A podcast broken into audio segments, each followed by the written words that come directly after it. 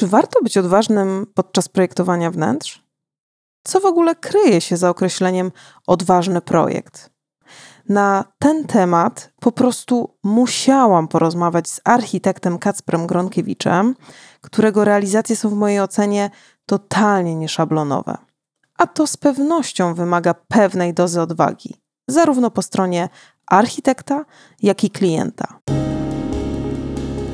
Witajcie, z tej strony Kasia Szyc, właścicielka marki Perler Design z meblami i dodatkami do wnętrz, tworzonymi przez naszych polskich artystów. Jak zaczęła się przygoda Kacpra Gronkiewicza z projektowaniem wnętrz? Po ukończeniu Politechniki Warszawskiej na kierunku architektura oraz porocznych studiach w Narodowej Szkole Architektury w Paryżu Val de Seine założył ze wspólnikiem pracownię łączącą architekturę z designem. Uznał jednak, że potrzebuje doświadczenia w większym studiu. Znalazł się w teamie grupa pięć architekci, działając przy naprawdę dużych tematach, takich jak na przykład rewitalizacja dworca we Wrocławiu. Tam nabrał zawodowej pewności, a to pozwoliło mu w 100% poświęcić się własnej działalności.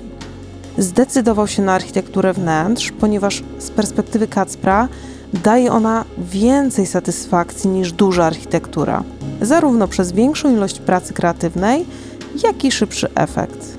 Dziś pod własną marką tworzy naprawdę oryginalne i odważne wnętrza, które zdobywają liczne nagrody. Między innymi otrzymana od Design Międzynarodowa Nagroda za projekt baru Aura. Ale barów, hoteli, księgarni ma na swoim koncie znacznie, znacznie więcej. Nie przedłużając, zapraszam do rozmowy o odważnych wnętrzach, którą przeprowadziłam z Kacprem Gronkiewiczem. Cześć Kacprze. Cześć, hej. Dziękuję Ci bardzo, że przyjąłeś zaproszenie. Cieszę się, że jesteś pierwszym facetem w końcu w tym podcaście, takim solistą, bo, bo dotychczas e, głównie architektki i architektki wnętrz. E, kilka par i w końcu rodzynek w naszym podcaście. E, słuchaj, od razu z grubej rury, bo dziś rozmawiamy sobie o odwadze w projektowaniu wnętrz, więc chciałabym usłyszeć Twoją definicję tego określenia. Czym jest dla Ciebie ta odwaga w projektowaniu wnętrz i jak byś w ogóle ją właśnie zamknął w jakieś e, konkretne definicje? Kiedy rozmawialiśmy e, za pierwszym razem, pytałaś mnie e, o tą odwagę i mhm. zastanawiałem się nad tym. I tak naprawdę mam taką odpowiedź, która kompletnie nie satysfakcjonuje rozmówcy. To znaczy, nigdy nie myślałem o sobie w tych kategoriach.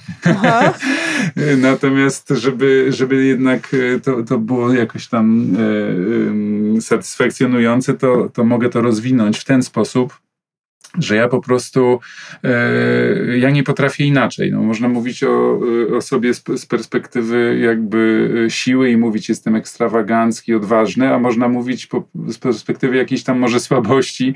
No mhm. właśnie bezradnie ja nie potrafię inaczej. To znaczy wydaje mi się, że to co robię jest e, po prostu e, absolutnie tym, jak to powinno być zrobione i nie widzę innej możliwości.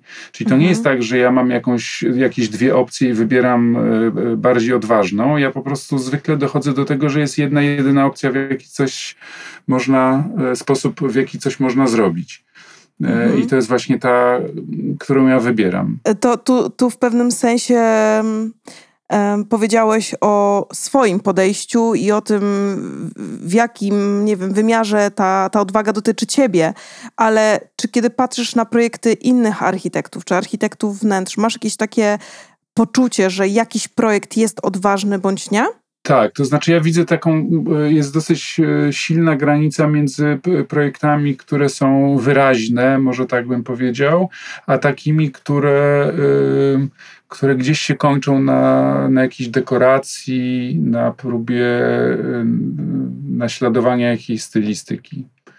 Y, tu bym po, po, taką granicę postawił. I y, te projekty odważne to są projekty, które nie boją się wymyślać y, pewnych rzeczy na nowo. Mm, I to widać, bo to mówimy o takiej wizualnej odwadze nie chciałbym, żeby to było w jakiś sposób krzywdzące, dlatego że, że te decyzje, ta, ta, ta odwaga być może też e, leży w innych polach, niekoniecznie wizualnych, chociażby jest cały taki bardzo duży, duża część e, projektowania, która się dzieje poza tym, tą częścią wizualną, to jest projekt funkcjonalny i projekt, jeżeli mówimy o na przykład o mieszkaniu czy o restauracji, no to prawidłowe rozplanowanie tych e, wszystkich stref jest, jest po prostu kluczowe dla tego, jak to wnętrze będzie potem funkcjonowało. Mhm. E, I, I tutaj też możemy mówić o odwadze. Natomiast jest to, e, jest to ten moment projektu, którego nie widać na zdjęciach z Instagrama. Tak, dokładnie, bo, bo my dzisiaj troszkę mówimy o tej odwadze estetycznej, tej, która rzuca się po prostu w oczy. Bo tak jak mówisz, mhm. mogą być e, rozwiązania, których nie widać e, na pierwszy rzut oka. Natomiast właśnie chciałabym z Tobą pogadać troszkę bardziej w kontekście tym takim wizualnym, estetycznym. E, I tak sobie myślę, czy Twoim zdaniem są jakieś kolory, właśnie rozwiązania, materiały, które ze swojej natury są odważne? Czy, czy uważasz, że raczej to jest połączenie, zestawienie pewnych elementów i taka całościowa koncepcja wnętrza? Mi się wydaje, może być może jeszcze trochę wrócę do tego twojego pytania, e, którym pracuję cały czas w głowę, e, czym jest odwaga w projektowaniu wnętrz. Mhm. Mm, I, I, zaraz powiem o tych materiałach, ale um, wydaje mi się, że tu chodzi bardziej o jakąś konsekwencję, o próbę znalezienia leitmotivu, jakiejś idei, nie wiem, wspólnego mianownika, Y, który, który nas przez ten projekt y, przeprowadzi i następnie konsekwentne realizowanie tego we wnętrzu. Czyli ta odwaga to jest ta pewnie konsekwencja właśnie realizacji jakiegoś zamysłu, jakiegoś pomysłu we wnętrzu. No i z tej odwagi bierze się odpowiedź na pytanie o materiały. To znaczy, mhm. odważne materiały to nie są materiały, które mają zaszokować y, odbiorcę, no chociaż czasami, yy, czasami działamy w ten sposób, że chcemy go z tej sfery yy, komfortu gdzieś tam wyciągnąć. Na przykład w takiej mojej ostatniej realizacji w restauracji Alebraci w Warszawie. Mhm. To jest taka włoska knajpa, do której wchodzimy i witają nas sterty walących się talerzy, które ze ścian lecą na nas prawie że dosłownie. E, no i tutaj może faktycznie jest, e, jest w tym taki zamysł e, w odpowiedzi na brief klienta, który chciał mieć efekt wow, no to jest ten efekt wow i ten klient jest trochę zdezorientowany. Chodzi do, do restauracji i no a tam wojna. Tam Nie wiem, ja uważam, tu, że ta koncepcja jest fantastyczna. Bardzo mi się podobała, tak to, to zastosowanie, y, jakby te, ten efekt wow jest, y, y, jest konsekwentny. Ja mógłbym tam, nie wiem, pomalować róże na niebiesko, to też byłby efekt wow, ale nie miałby nic wspólnego z tym wnętrzem. A, mhm. a ponieważ całe wnętrze leitmotivem jest talerz i taka historia o tym, jak ten talerz, który jest, jest takim cichym bohaterem całego procesu kulinarnego, jak on znika. On jest takim tłem, które najpierw mamy przed sobą, mamy tę piękną całość, okrągłe, coś takiego pełne, okrągłe i puste e, jednocześnie i nagle e, pojawia się na nim jedzenie, czyli ten talerz staje się po prostu już tylko tłem, jakby w jakiś sposób się rozpada, więc to jest to historia o tym rozpadzie talerza, no i wita nas w tej restauracji, wita nas sterta rozpadających się zaraz, talerzy, które zaraz mają się rozpaść, mhm. po czym jak wchodzimy, wchodzimy dalej, to jesteśmy w sali, w której już te popękane, rozpadnięte talerze są uwięzione w kolorowym betonie, w okładzinach ściennych, w okładzinach baru, parapetach. E, no i, to idzie dalej, bo z tej, z tego, z tej stłuczki porcelanowej i, i, i lastri, lastriko, e, e, które wymyśliła Zosia Strumiło, zrobiliśmy też odbłyśniki istniejących lamp. Tam wisiały takie lampy kule mhm. które dawały dosyć ogólne światło. Ja chciałem się pozbyć tego światła w tej przestrzeni sufitu, żeby ta restauracja bardziej tonęła w takim przy, przyjaznym, przytulnym mroku na górze. No i daliśmy y, w związku z tym na tych istniejących kulach zawieśliśmy okrągłe, czyli znowu w formie talerza, odbłyśniki z właśnie z potłuczonych, przemielonych talerzy z kolorowym betonem. No więc to wszystko jest jakaś taka y, y, konsekwencja. Konsekwencją jest też recykling w tym wnętrzu, bo, bo te materiały to są materiały właśnie z recyklingu. Stłuczka pochodzi z, z fabryki w Ćmielowie, między innymi i, i te całe wnętrze jest zielone nie tylko ze względu na swój kolor, ale też jest ekologiczne, bo zwraca uwagę na na, na to, co robimy z materiałami. Ja w istniejącym wnętrzu restauracji, którą dostałem do przeprojektowania, chciałem jak najwięcej rzeczy zachować. I tam jest y, mnóstwo rzeczy, udało się właśnie y, zachować, takich jak bar, który pocięliśmy, przerobiliśmy z, z istniejącego baru, zrobiliśmy okładziny ścienne w jednej z sal, y, bar wykorzystaliśmy, trochę go prze, przemontowaliśmy, ławy, siedziska, to, to wszystko jest to, co było tam zaprojektowane wcześniej, zmieniliśmy tylko obicia, kolory. E, stoły przykryliśmy białymi obrusami, pomalowaliśmy na zielono e, e, im nogi, więc tam jest bardzo dużo takich materiałów po prostu z recyklingu. Mhm. No i te wszystkie talerze oczywiście, które też pochodzą z recyklingu. Ta instalacja jest zrobiona z używanych talerzy, które gdzieś zostały sprowadzone na miejsce i zatopione w żywicy, postawione w pionie. Także to jest taka, jeżeli pytasz o materiał, odważne y, materiały, no to jest tego typu działanie, które bierze się z jakiejś tam y, konsekwencji, w działaniu. Y, są to jakieś materiały, które na przykład nie są stosowane powszechnie, albo ich zastosowanie nie jest e, przewidziane przez producenta. Na przykład e, widziałem taki e, bar, czy w zasadzie w sklepie ladę sklepową obłożoną ścinkami styroduru klejonymi pianką montażową, która takim blobem z nich wypływała, jakbyś tam sączyła takimi mhm. bąblami. I to był naprawdę, i ten kolor styroduru, który był taki miętowy i żółty, to żółty w kolorze kości słoniowej, czyli naturalne te kolory, które tam były, one po prostu z tą żółtawą pianką montażową bo stworzyły coś to naprawdę taki apetyczny, apetyczny kąsek. To wygląda jak taka wielka bajadera, było bardzo fajne.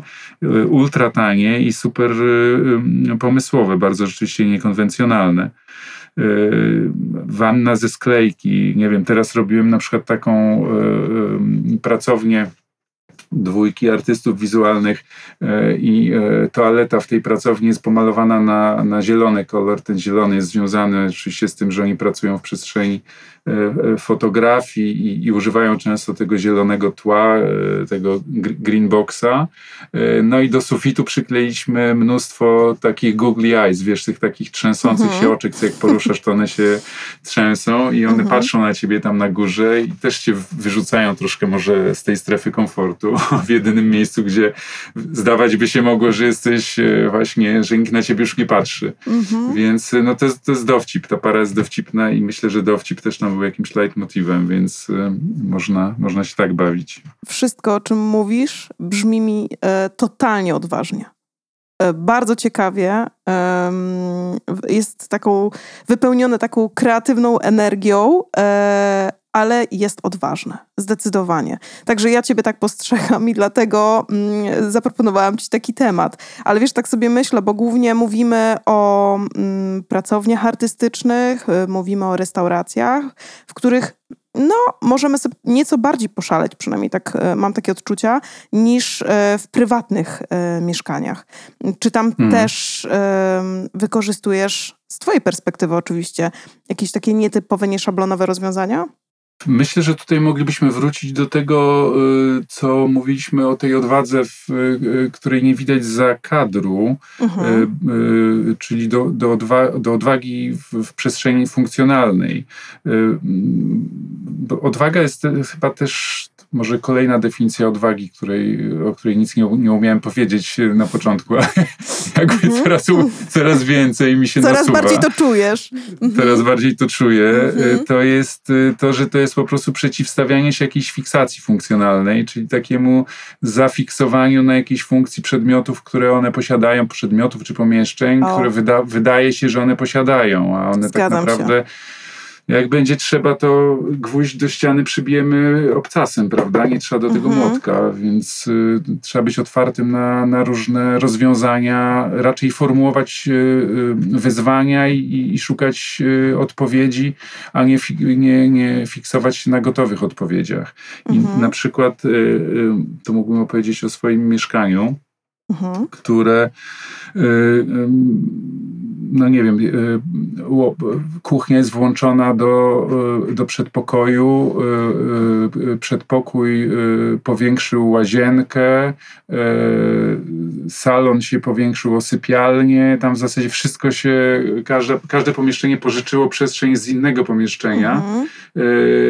Co, no być może jeszcze kilkanaście lat temu trzeba było przekonywać klientów, że, że, że kuchnia w salonie to wcale nie oznacza tłustych mebli i, i, i, i brudu wszędzie.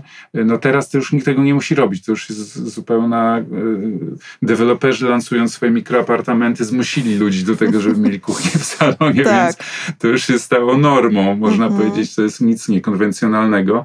Tak. Natomiast no, w, tym, w tym moim mieszkaniu rzeczywiście jakby udało się z, z, mieszkania, które jest nieduże, ma około 50 metrów kwadratowych, wywalić nieużywany komin spalinowy, zrobić tam garderobę z takim fajnym tunelem, zagląda, można zajrzeć w głąb tego tunelu, albo daliśmy tunelu, bo daliśmy szklaną podłogę, e, przez którą e, widać, widać wow. wnętrze tego komina. Mhm. Dosyć jest to takie mroczne i, i przerażające, na szczęście zamknięte w tej szafie, więc pokazujemy to tylko wybranym gościom.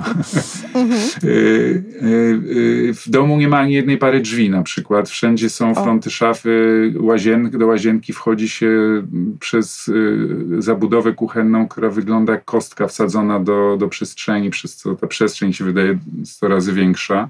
Mhm. Y, y, to zresztą zorientowałem się, że w pewnym momencie chciałem powiesić gdzieś taką listwę do podciągania, do ćwiczenia palców i podciągania i, i on się zwykle wiesza na nadprożu drzwiowym i się zorientowałem, że w moim domu nie ma żadnego nadproża a jedyne jakie było do drzwi wejściowych zabudowałem pawlaczem, więc, mm-hmm. więc nagle się okazało, że mieszkam w domu bez drzwi. Tylko, że ja tego projektując, ja w ogóle o tym nie myślałem, że wywalmy drzwi, będzie tak mm-hmm. nowocześnie. A po prostu tych drzwi, no jedyne drzwi, jakich potrzebowałem, to były do łazienki, no ale to była łazienka jest w zabudowie kuchennej, więc się wchodzi przez szafę do łazienki. A drugie drzwi, no to do sypialni i zrobiliśmy takie pivotowe drzwi, taki regał, który się zamyka, że jak się go zamknie, to w ogóle goście nie wiedzą, że że sypialnia jest jeszcze w tym mieszkaniu.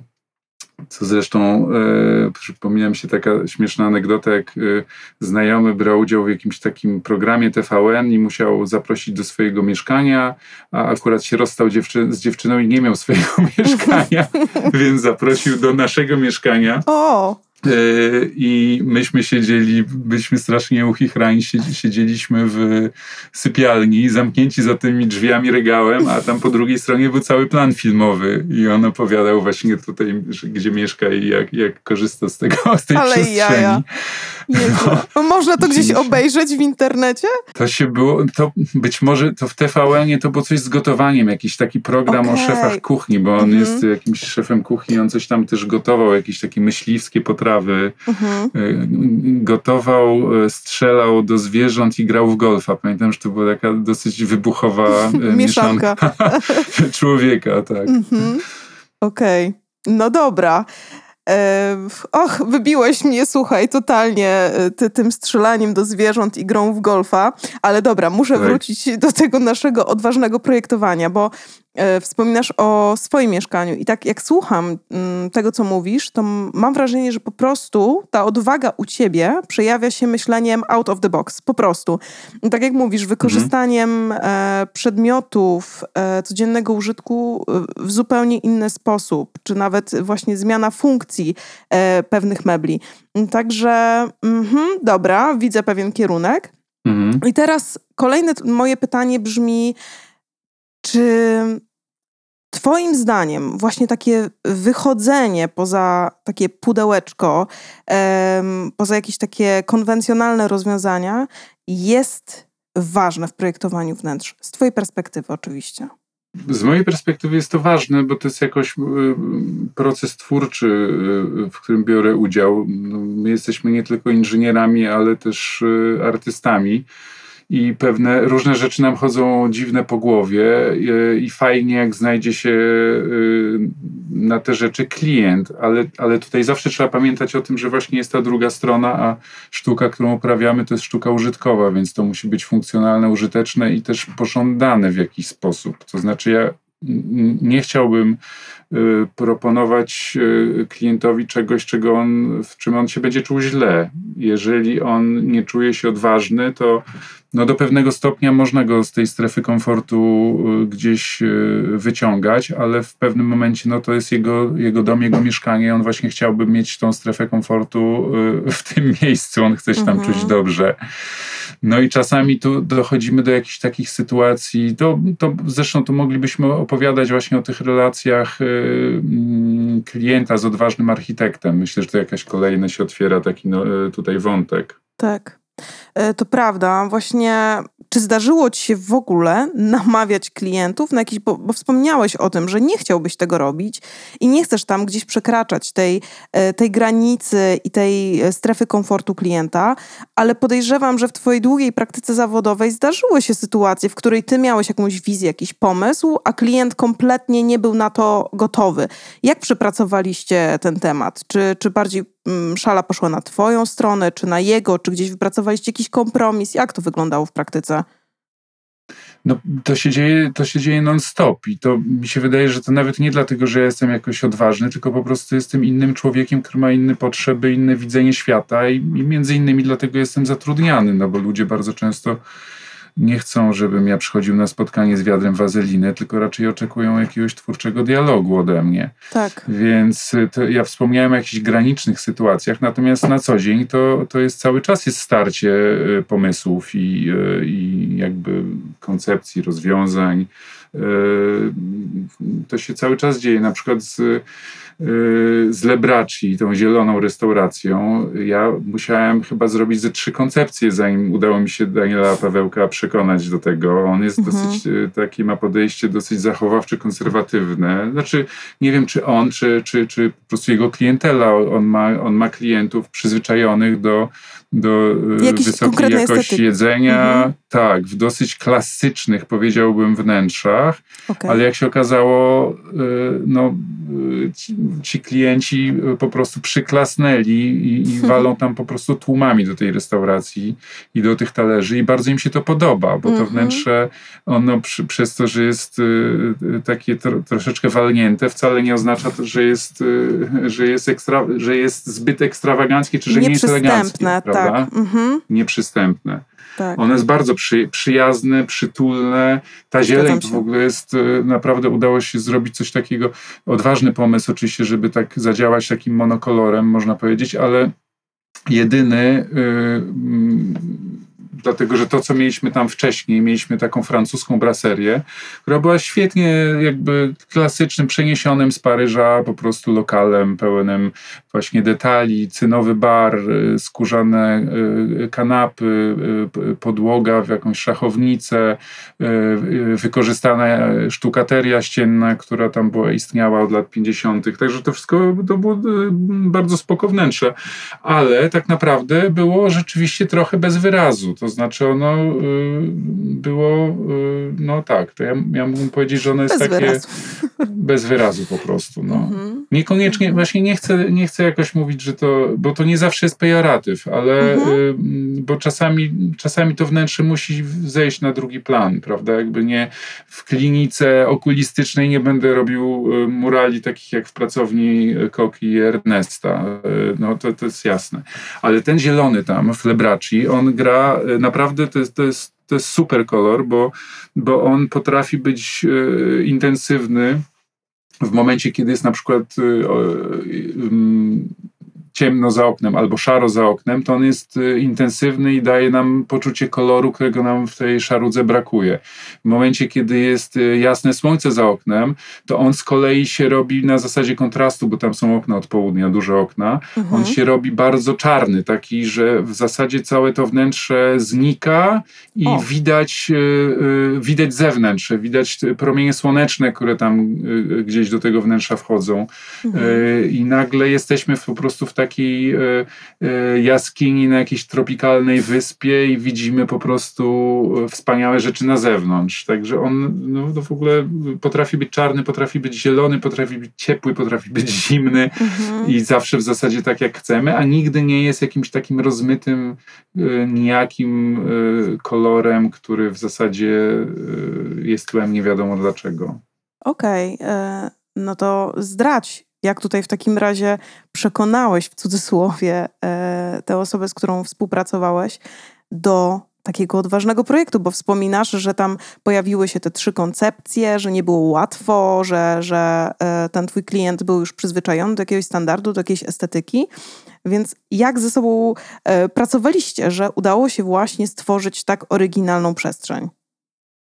Ja myślę, że to jest właśnie y, świetna synergia, jak, jak trafiamy na klienta, który stawia opór, mhm. bo to pozwala wykuć y, czystszą koncepcję i jakiś y, lepszy pomysł z tego wszystkiego. W przypadku tej restauracji ja, ja zaproponowałem szereg rozwiązań, które były w ogóle takie no, niefunkcjonalne z, z punktu widzenia funkcjon funkcjonowania restauracji.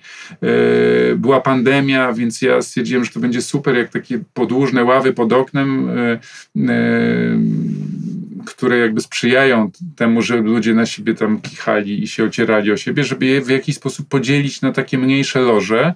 Mhm. Bardzo myślałem o, o, tym, że te całe wnętrze jest taką amfiladą i chciałem jeszcze dodatkowo tą amfiladę nasilić przez zrobienie takich przesłon, takich rodzaju kulis teatralnych, które by nam to wnętrze dzieliły na, w poprzek na jeszcze mniejsze takie cząstki. Mhm partie i one były zrobione z różnych e, e, takich materiałów, z siatek, ze szkła, e, z różnych ażurów malowanych też.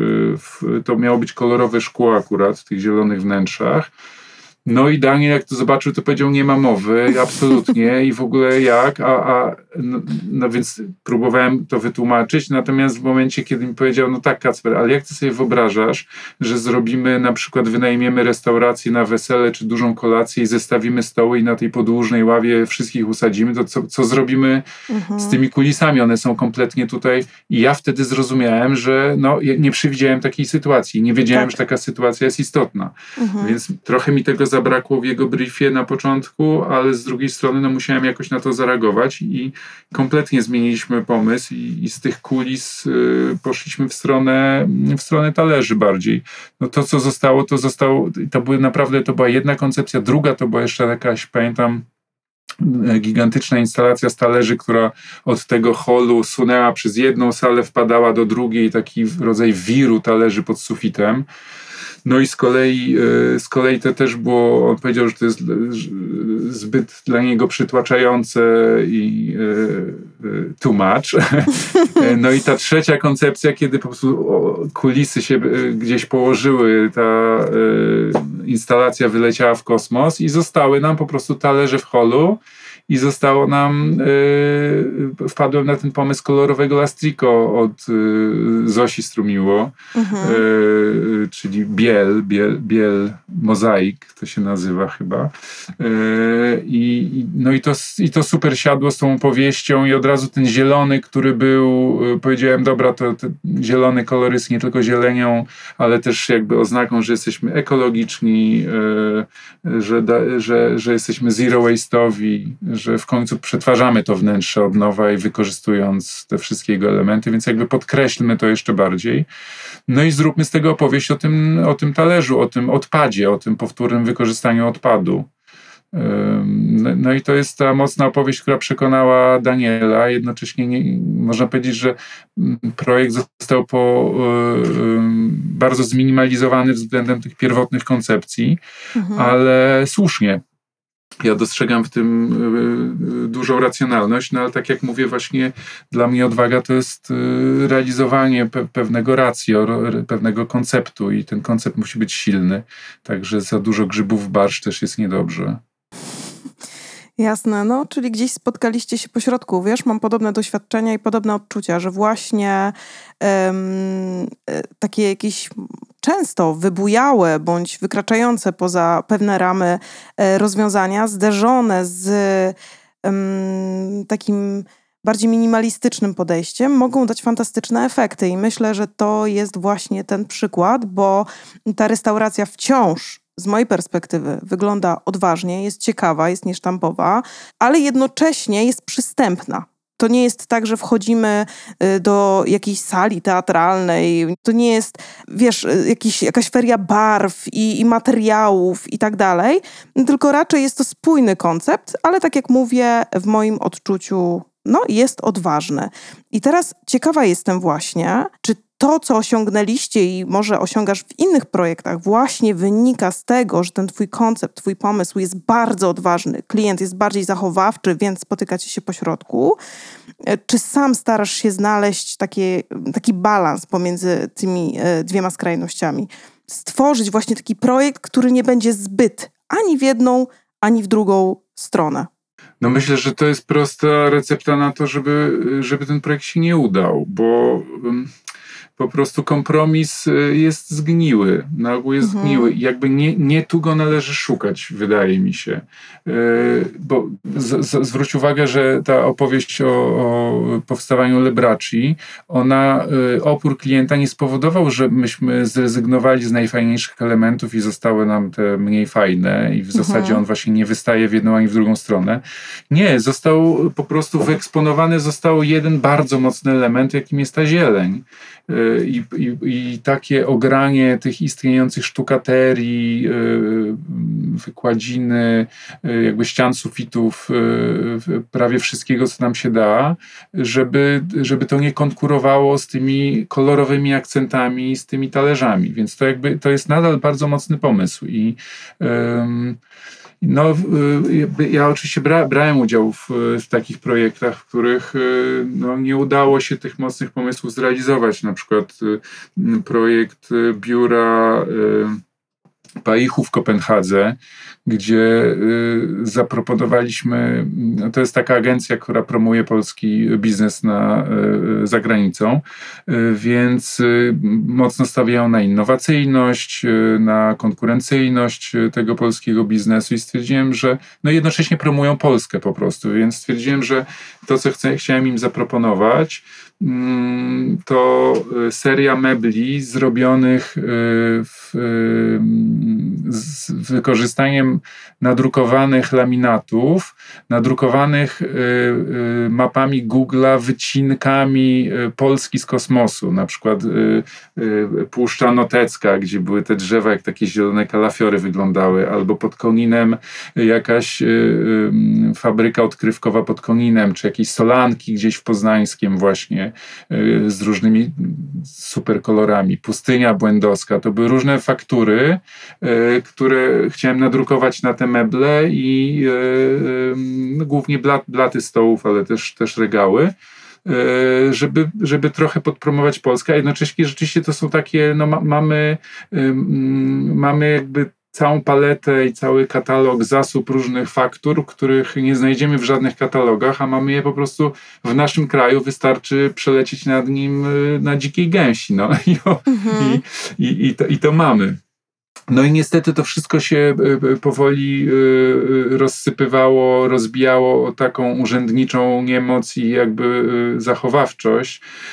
Osoba, która była odpowiedzialna za ten projekt, szalenie się to spodobało i jakby bardzo mi kibicowała, ale potem zauważyłem, że, że skonsultowała to z, z, z bazą i okazało się, że po prostu no, weszły jakieś takie względy um, najniższa cena, y, no po prostu urzędnicza zachowawczość. Po prostu y, nie dało się tego w, y, ze względów różnych, nazwijmy to politycznymi, w tej instytucji w tym czasie przeprowadzić. I mhm. tak, skończyło się na klasycznym dobraniu mebli z katalogu dobrej firmy, solidnych mebli, fajnych, nie, nie kolących w oczy, te moje meble, one są takie, że one po prostu wyglądały na super wypasione i bogate, a, a były tak naprawdę paździerzem y, z nadrukiem laminatowym, więc były, były ultra tanie. Także wydaje mi się, że to jest coś, co każdy architekt powinien potrafić klientowi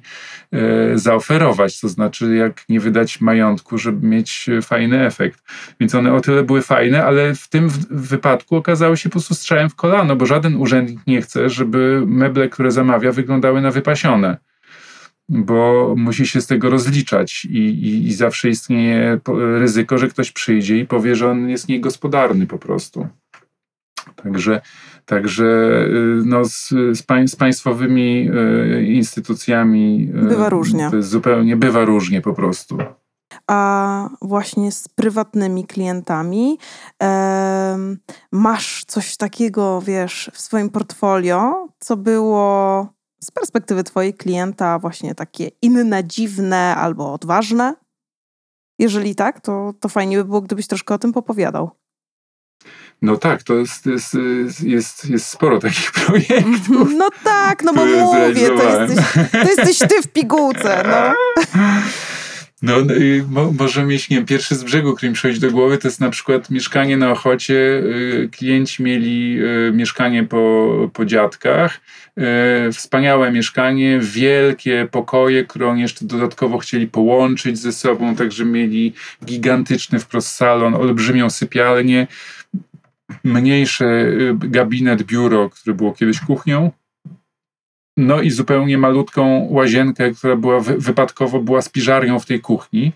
I ja powiedziałem, słuchajcie, no jakby można zrobić przemeblowanie tego mieszkania, ale szkoda tracić te wielkie przestrzenie. Ja w ogóle nie lubię wybierać. Znaczy, jak ja mogę wybrać, to najchętniej bym wybrał wszystko po prostu. I ja mówię, nie, nie musicie wybierać, czy chcecie mieć duży salon i, i, i małą łazienkę, czy małą łazienkę i mniejszy salon. Zrobimy tak, że pożyczymy trochę z sypialni przestrzeni, ale nie przesuwając ściany. I zrobiliśmy takie wybrzuszenie w ścianie, Mhm. e, dzięki któremu ta łazienka się poszerzyła na tyle, że można tam było zrobić okrągłą wannę na podejście. E, e, I ta okrągła wanna, ona nie potrzebuje wiele, potrzebuje 1,60 m, plus jeszcze właśnie ta przestrzeń, żeby ją obejść i tam wejść po schodkach. Natomiast cała, cała ta łazienka no, wygląda jakby była naprawdę y, ogromna w porównaniu z tym, że jest na tak y, małym metrażu. A z kolei ta główna ściana w sypialni w ogóle się nie przesunęła, tylko, tylko w pewnym momencie się zrobiło takie węższe przejście między łóżkiem a tą, tym wybrzuszeniem, co nie przeszkadza w komunikacji, ale tak jakby wizualnie nie zmniejsza pokoju. Więc ja gdzieś tam y, dodałem te metry kwadratowe w taki wirtualny sposób. Y, No i y, bardzo dla tych klientów za, zaskakujący, natomiast oni na, natychmiast, to, natychmiast to kupili, bardzo im się to spodobało, zresztą super wyszło. Mm, Fajnie, że, że się na to więc- odważyli. Bo to Tak, wcale nie jest tak. takie oczywiste, nie? Tak, podejrzewam. to prawda, tak. Mhm. Mhm. I jeszcze mam takie pytanko, które mi się nasunęło, bo mm, tak, wiesz co, wypluwasz z siebie te pomysły w, w tę stronę, w tę, e, tak jak mówiłam, out of the box. Czy myślisz, że to jest kwestia po prostu twojej osobowości, kreatywności, coś, co mm, dostałeś, w cudzysłowie, czy to jest raczej kwestia twoich doświadczeń, nauki, obcowania z odpowiednimi ludźmi, a może wypadkowa tych, tych, tych wszystkich rzeczy? Jak uważasz? Mi się wydaje, że głównie to jest coś, co, co dostałem. To jest jakiś taki bagaż, y, y, który mam w sobie. Bardzo mnie interesuje y, w ogóle badanie podświadomości, filozofia czy psychologia Junga i, ym, i takie przyglądanie się procesowi projektowemu. Y, Miałem o tym y, rozmowę, taki wywiad był w Design Alive, gdzie, gdzie o tym szerzej, szerzej opowiadam ale rzeczywiście jest tak, że i, i, i to ja nie jestem nikim szczególnym. Mi się wydaje, że wszyscy mamy po prostu gigantyczny kapitał kreatywności, który tkwi po prostu, który jest uśpiony. Y, A który można wybudzić właśnie przyglądając się sobie i wchodząc do tej ciemnej jaskini naszej podświadomości, wyciągając z niej różne rzeczy i też patrzę, patrząc w jaki sposób one wypływają na powierzchnię. Mm, Bardzo często jest tak, że e, ja, ja, dużo, ja dużo, dużo e, wrzucam takich wizualnych materiałów, prowadzę rodzaj takiego dziennika na swoim prywatnym koncie instagramowym. I to są rzeczy, one są raczej nie, nie powiedziałbym, że są związane z architekturą, chociaż no, jestem architektem, który jakoś tam patrzy na świat, ale to nie są inspiracje architektoniczne. Natomiast y, y, często jak, jak analizuję projekt albo szukam jakiegoś w, w różnych koncepcjach jakiejś idei przewodniej i chcę się zdecydować na jakąś taką silną koncepcję, y, y, silny koncept w ramach jakiegoś projektu i przeglądam ten Instagram, ten swój wideodziennik, to widzę, że nagle, nie wiem, fotografowałem korzenie i różne układy y, takich arabesek, albo y, jak się fale układają, jak się odblaski jakby grzbietów fal układają na piaszczystym dnie, albo jakiś, nie wiem, byłem na wystawie Hockneya i nagle widziałem obraz, jak on to maluje. I, Mhm. I, widzę nagle, że moja jakby wyobraźnia idzie jakimiś tam y, tropami i to potem zaraz się znajduje, odbija w tej estetyce. Ja to troszkę ex post y, odkrywam y, na ogół, że to gdzieś tam wypływa z tej podświadomości i to jest bardzo fajne, że coś się wrzuca do, tego, do tej sadzawki, jaką jest nasza podświadomość, to się tam procesuje, to, to się mieli i potem wypływa na powierzchnię w, w postaci jakiegoś y, jakiegoś rozwiązania. Czasami jest to coś, co się przyśni, coś, co się zobaczy pod powiekami, przymykając oczy, no, a czasami po prostu wpada do głowy pod prysznicem. No. Natomiast y, to pokazuje, że Ważny jest ten proces i y, y, wydaje mi się, że dojście do tego, y, w jaki sposób te rzeczy przez naszą podświadomość przepływają, jest, jest kluczowe, żeby tą kreatywność uwolnić. E, ja tak sobie przed naszą rozmową myślałam właśnie o tym, dlaczego jednym te kreatywne rozwiązania, pomysły przychodzą z łatwością, e, innym z kolei e, nieco bardziej topornie. I wydaje mi się, że ta kreatywność, oczywiście to jest, to jest coś, z czym się podejrzewam rodzimy, to jest jakaś um, suma cech osobowości, doświadczeń, wychowania i tak dalej, i tak dalej. Natomiast to, że um, doświadczamy wciąż nowych rzeczy i gdzieś właśnie na te nowe doświadczenia się wystawiamy, też ma wpływ, bo tak jak mówisz, jedziesz e, nad morze, widzisz fale, mm, gdzieś one lądują w twojej głowie, gdzieś w jakiejś szufladce. E, później idziesz na jakieś wydarzenie, wernisaż, e, wiesz, spotykasz się z ludźmi, przeprowadzasz z nimi różnego rodzaju rozmowy i to wszystko gdzieś tam się w tej główce układa i później wyciągasz to w odpowiednim momencie, więc myślę, że oczywiście to jest jakiś talent, to jest jakaś umiejętność, ale że można ją rozwijać właśnie poprzez wystawianie się na wciąż nowe doświadczenia. Że wtedy, mm, wiesz, tak. mamy troszkę większą e, pulę tych elementów w walizce. Po prostu. Tak, tak, tak. Ja, ja dlatego nie przestaję chodzić do galerii i oglądać e, po prostu sztukę. To jest coś, co, co jest naprawdę jakby takim wzbudzaczem kreatywności. Zgadzam się absolutnie. Um, jeszcze się zastanawiam nad jedną rzeczą, bo sporo o, o tych odwadze w projektowaniu e, wnętrz rozmawiamy w kontekście e, klienteli. I tak sobie się, zastanawiam, czy widzisz jakieś takie wyraźne korzyści um, właśnie w projektowaniu wnętrz odważnych e, u swoich klientów? Nie mówię tylko o takich komercyjnych, ale niekomercyjnych e, wnętrzach. Bo na przykład wspomniałeś o tej restauracji, tak? To tam y, dla mnie y, taką wyraźną korzyścią jest to, że klienci przychodzą, są zachwyceni efektem i chcą wracać do restauracji. Ale może masz jeszcze jakieś inne, nie wiem, doświadczenia, obserwacje na ten temat? Mm, tak, e, na przykład takie, e, zrobiłem takie mieszkanie na Koszykowej, w którym znowu mamy mieszkanie w kamienicy z po, początku, czy przełomu wieku XIX-XX, bardzo klasyczna. E, właściciela, który jest inżynierem projektującym Formułę pierwszą i bywa po prostu w Warszawie, zatrzymuje się w tym mieszkaniu i chciałby, żeby to była taka jego baza życiowa, e, no ale jest właścicielem deski surfingowej, e, nart, e, różnych gabarytów. Ma, jest przyzwyczajony do mieszkania w hotelach, więc jest dosyć takim człowiekiem luksusowym. Mhm.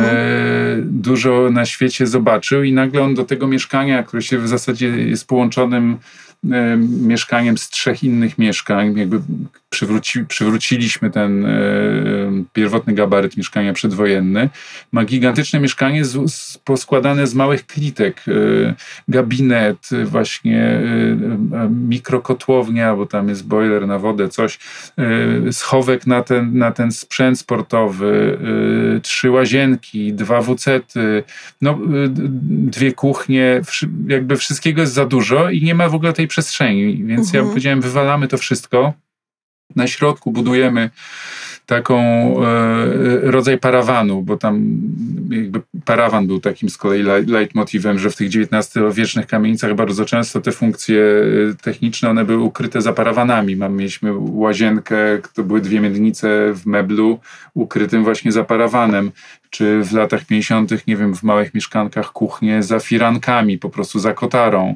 I ja powiedziałem, dobra, robimy parawan, robimy taką wielką rzecz na środku mieszkania, obłą, i to jest parawan, i tam na dwóch kondygnacjach, bo to mieszkanie jest wysokie, mieścimy te wszystkie funkcje, które nie wymagają dużej przestrzeni a dzięki temu żyjemy w jednej wielkiej przestrzeni, która się przelewa i jest połączeniem e, łazienki, sypialni, przedpokoju i dużego pokoju. Mhm. Tak naprawdę ma, mamy mieszkanie, które jest de facto dwupokojowe, a ma e, około 150 metrów. Natomiast wszystkie te funkcje, nie generujemy sobie jakby takiego problemu, że nie mamy tych funkcji, tylko one, one są wszystkie wrzucone do tej, do, za ten parawan, czy do tej szafy, jak zwał, tak zwał, e, którą, żeby wyodrębnić ją wizualnie od ścian, od tych klasycznych ścian, na których była sztukateria, były fasety, no to stare mieszkanie, to te ściany, powiedziałem sobie, one będą miały bardzo współczesną funkcję takiej wrzucie takiej chmury, taką falę. W zasadzie to była taka fala falująca przez, przez y, mieszkanie, ustawiona na środku. Y, I y, żeby ten efekt fali jeszcze podkreślić i mm, tą miękkość tej, tej linii i odróżnić się od tej historyczności ścian, powiedziałem, że zróbmy, żeby ta fala była tekstylna, żeby ona była obita jakimś, jakąś tkaniną. No i szukaliśmy długo, długo tkaniny. Ja wtedy y, byłem dosyć boysem y, jego tymi instalacjami z filcu i tłuszczu za, za, zainspirowany i powiedziałem, robimy filcową ścianę. To, to będzie taka filcowa kotara. No i zrobiliśmy tą filcową ścianę, filcową kotarę. No i żeby odpowiedzieć na twoje pytanie zadane dawno temu. Ale wciąż mam je z tyłu głowy, tak? Ale mam je z tyłu głowy.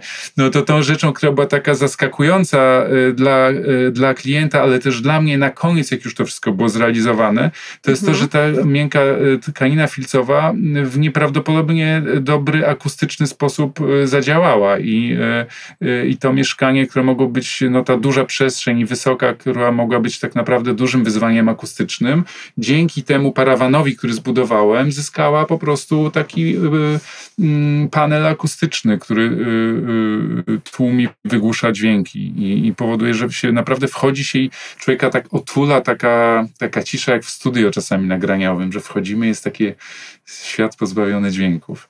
Tak. Czyli funkcjonalne korzyści, po prostu.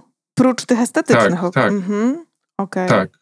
Długo opowiadałem o tym, jak doszedłem do tego efektu, a krótko samym efekcie. Natomiast rzeczywiście ta y, praca dojścia do efektu jest bardzo taką, jest, jest często żmudną pracą, ale jest tą pracą niewidoczną, bo jest y, tak naprawdę y, ułożeniem odpowiednim funkcji i takim racjonalnym zmierzeniem się z potrzebami klienta, które gdzieś mają jakąś swoją, zyskują jakąś swoją formę w postaci tutaj akurat tego parawanu miękkiego, y, natomiast y, y, od początku tak nie wyglądają. Powiedziałeś tutaj właśnie o tych korzyściach, ale tak sobie myślę, skoro te wnętrza, te odważne wnętrza z jakąś wizją są tak intrygujące, tak ciekawe dla odbiorców, to jak myślisz, dlaczego architekci, nie wiem czy rzadko, z mojej perspektywy chyba rzadko, przynajmniej na polskim rynku, korzystają z tych narzędzi i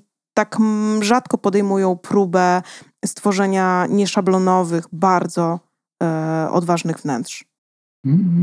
Ciężko mi jakby tutaj wyrokować i mówić za innych, ale ja, ja wiem o moich pokusach i tworzenie takich wnętrz nieszablonowych, ono jest związane z nieszablonowymi meblami, nieszablonowymi rozwiązaniami funkcjonalnymi, które generują zwykle też y, y, nieszablonowo dużo pracy i to po mhm. mojej stronie, jak i po wykonawcy, więc one są trudniejsze do realizacji.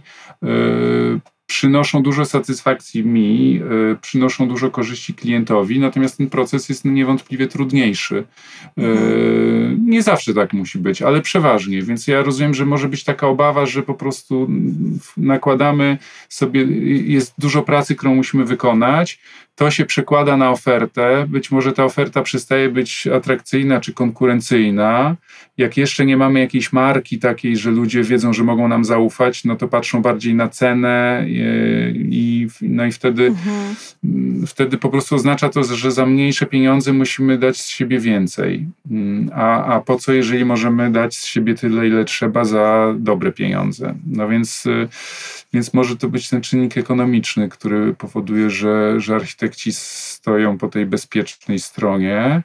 Y, a czasami jest to klient po prostu, który, no bo to też wymaga negocjacji z klientem yy, bardzo I takich często. emocjonalnych strat, co tu dużo mówić. Tak, tak, tak. Tak, mhm. dokładnie. No, wystawiania się też, jakieś tak. odsłaniania się, właśnie y, y, wchodzenia, jakby pozwalania na, na, na wejście w jakąś sytuację, sobie na wejście w jakąś sytuację konfliktu takiego, no, może nie, nie chodzi o jakąś zupełną wojnę, ale na pewno mhm. o jakąś konfliktową sytuację. Ale myślę, że tutaj można wpaść w takie błędne koło, bo jeżeli jako architekci e, jesteśmy kreatywni, mamy jakieś e, wizje e, ciekawe i z nich rezygnujemy właśnie z uwagi na te straty emocjonalne, czy z obawy przed jakąś dużą ilością pracy, to myślę, że w perspektywie czasu y, tracimy na tym, bo te nasze projekty y, są właśnie takie.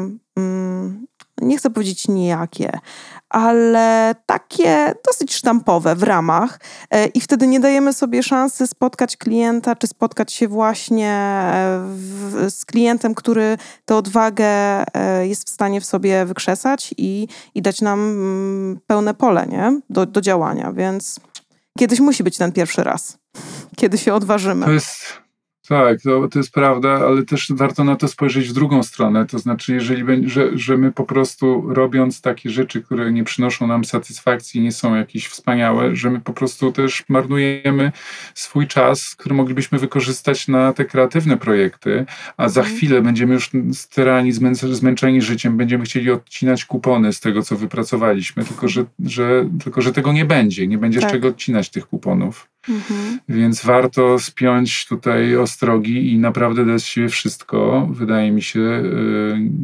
może niezależnie od kosztów, yy, ale yy, tak, no tak. No tak. No już mam dla ciebie ostatnie pytanie. Co prawda gdzieś tam już e, poruszaliśmy tę tematykę, ale e, dopytam mocniej. Czy Myślisz, że projektanci powinni zachęcać swoich klientów do bycia bardziej odważnymi? Czy jednak powinni reagować na te ich oczekiwania, preferencje i odpuszczać, kiedy czują, że um, no to może jest zbyt um, odważny projekt? Jak to wygląda z Twojej perspektywy? Czy jednak pozostać w zgodzie ze sobą i gdzieś tam próbować przeforsować w jakimś stopniu tą swoją koncepcję, czy jednak odpuścić i wykonać według szablonu? No, jeden z moich klientów, zresztą y, y, właściciel y, baru Aura, współwłaściciel i współwłaściciel taki, takiej tajki, tej, tej fioletowej takiej knajpy, którą się otworzyliśmy ostatnio. Uh-huh. Aura to ten z dywanami, taki nag, nagro, uh-huh. nagrodzony tam a Design Award. On mi, on mi powiedział, on jest dobrym biznesmenem i powiedział, Kasper, no po prostu zawsze to tak działa, że musisz, część projektów to są projekty wizerunkowe, a część to jest po prostu chałtura. To nie jest tak, że po prostu jesteśmy dziećmi, które się jarają wszystkim, co robią i życie jest jakby mniej kolorowe. No ja sobie myślałem, no święta prawda, tylko że ja nie jestem w stanie, nawet gdybym chciał, ja nie jestem w stanie zrobić hałtury, ja nie potrafię. Po prostu każdy mhm. projekt, wiatę garażową, którą tam robiłem komuś 10 lat temu, to ja wykminiałem różne śmieszne połączenia detali, e, żeby mieć z tego jakąś też przyjemność. Nie potrafię odpuścić, nie potrafię mhm. zrobić e, czegoś na odwal się, żeby było poprawnie i żeby wziąć kasę i pójść pójść dalej y, pod rękę z klientem, który jest bardziej obiecujący, ma dla mnie jakby lepsze propozycje.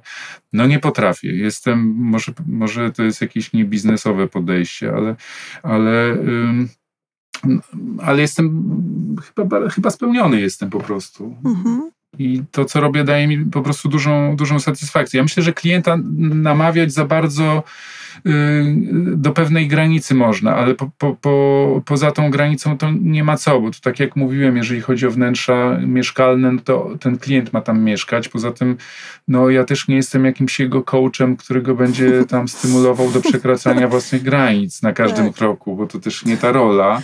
Aha. Y, ja mogę go namawiać, jeżeli wiem, że to będzie pracowało dla niego dobrze. No, zresztą mam na przykład taki, y, mam, miałem taką klientkę, która bardzo miała potrzebę porządku i kontroli dużą i wszystko musiało być pozamykane w szafkach. Ja na ogół projektuję rzeczy w zabudowach, bo też staram się ukrywać takie rzeczy, które w tym Codzienny chaos. wprowadzają. Mhm tak, ale w jej przypadku ja po prostu, ja nie wiem, czy ona mnie jakoś tak prowokowała tą swoją y, y kontrolą, że, że ja po prostu proponowałem jej otwarte półki i ona mówi, ale to trzeba będzie sprzątać. I mówię, nie, nie, wpuść trochę chaosu do swojego życia. Y, więc było Zabawiłeś takie się tak w coacha, się trochę. proszę bardzo. Tak, mhm. trochę tak. Nie, no, Takiego trochę trolla no, no, jesteśmy ludźmi, więc to trochę tak. No, trochę się mhm. prowokujemy nawzajem, trochę jesteśmy złośliwi, mhm. ale y, no, to wszystko wszystko w, w, pewnych, myślę, w pewnych granicach, bo gdzieś myślałem o tym, że ona będzie z tym szczęśliwsza. No. Mhm. Wydawało mi się, że taka, to może być taka inżynieria trochę architektoniczna, że właśnie przez to, jak ludzie mieszkają, jak my sprawimy, że będą mieszkali, to oni tacy będą, że to rzeczywiście mamy pewne przełożenie na, mm, tutaj na, na, na ludzkie zachowania i to, jak się czują.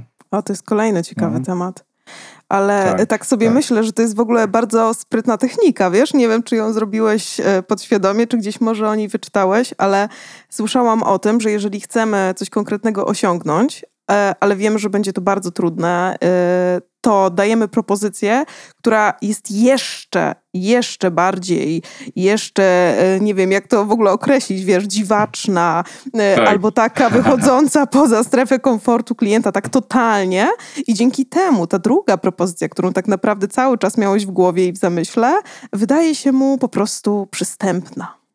To prawda, znaczy nie, nie, rzeczywiście jest coś takiego, nie myślałem o tym w tych kategoriach, ale faktycznie na przykład jak patrzę na ten projekt Lebraci, no to ja projekt jakby proponowałem znacznie bardziej e, ekscentryczne rozwiązania, a, a zostało jednak na czymś, co jest mniej ekscentryczne, ale nadal, nadal mocne. Tak. Można tak powiedzieć, z tym, że nie robiłem tego, to nie była świadoma technika jakaś mhm. sprzedażowa taka. Nato, mhm. Natomiast teraz już będzie, się teraz drogi. zastanawiam, właśnie to, to chyba podpowiedziałaś, jak to trzeba robić. No.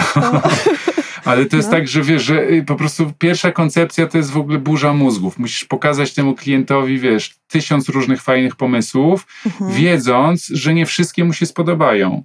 I ja na przykład mam tak, że jeżeli mam wnętrze, w którym y, gdzieś leitmotivem są schody i taki opartowski jakiś rysunek tych schodów i troszkę escher, y, to mówię o tym domu na Bielanach, to ja pokazuję w tych wnętrzach no, tysiąc sposobów, w jaki, y, w jaki można ten y, y, leitmotiv wykorzystać, zarówno przestrzennie w formie wyspy kuchennej, jak i ozdobnie w formie listwy cokołowej, jak, albo gzymsu schodkowego.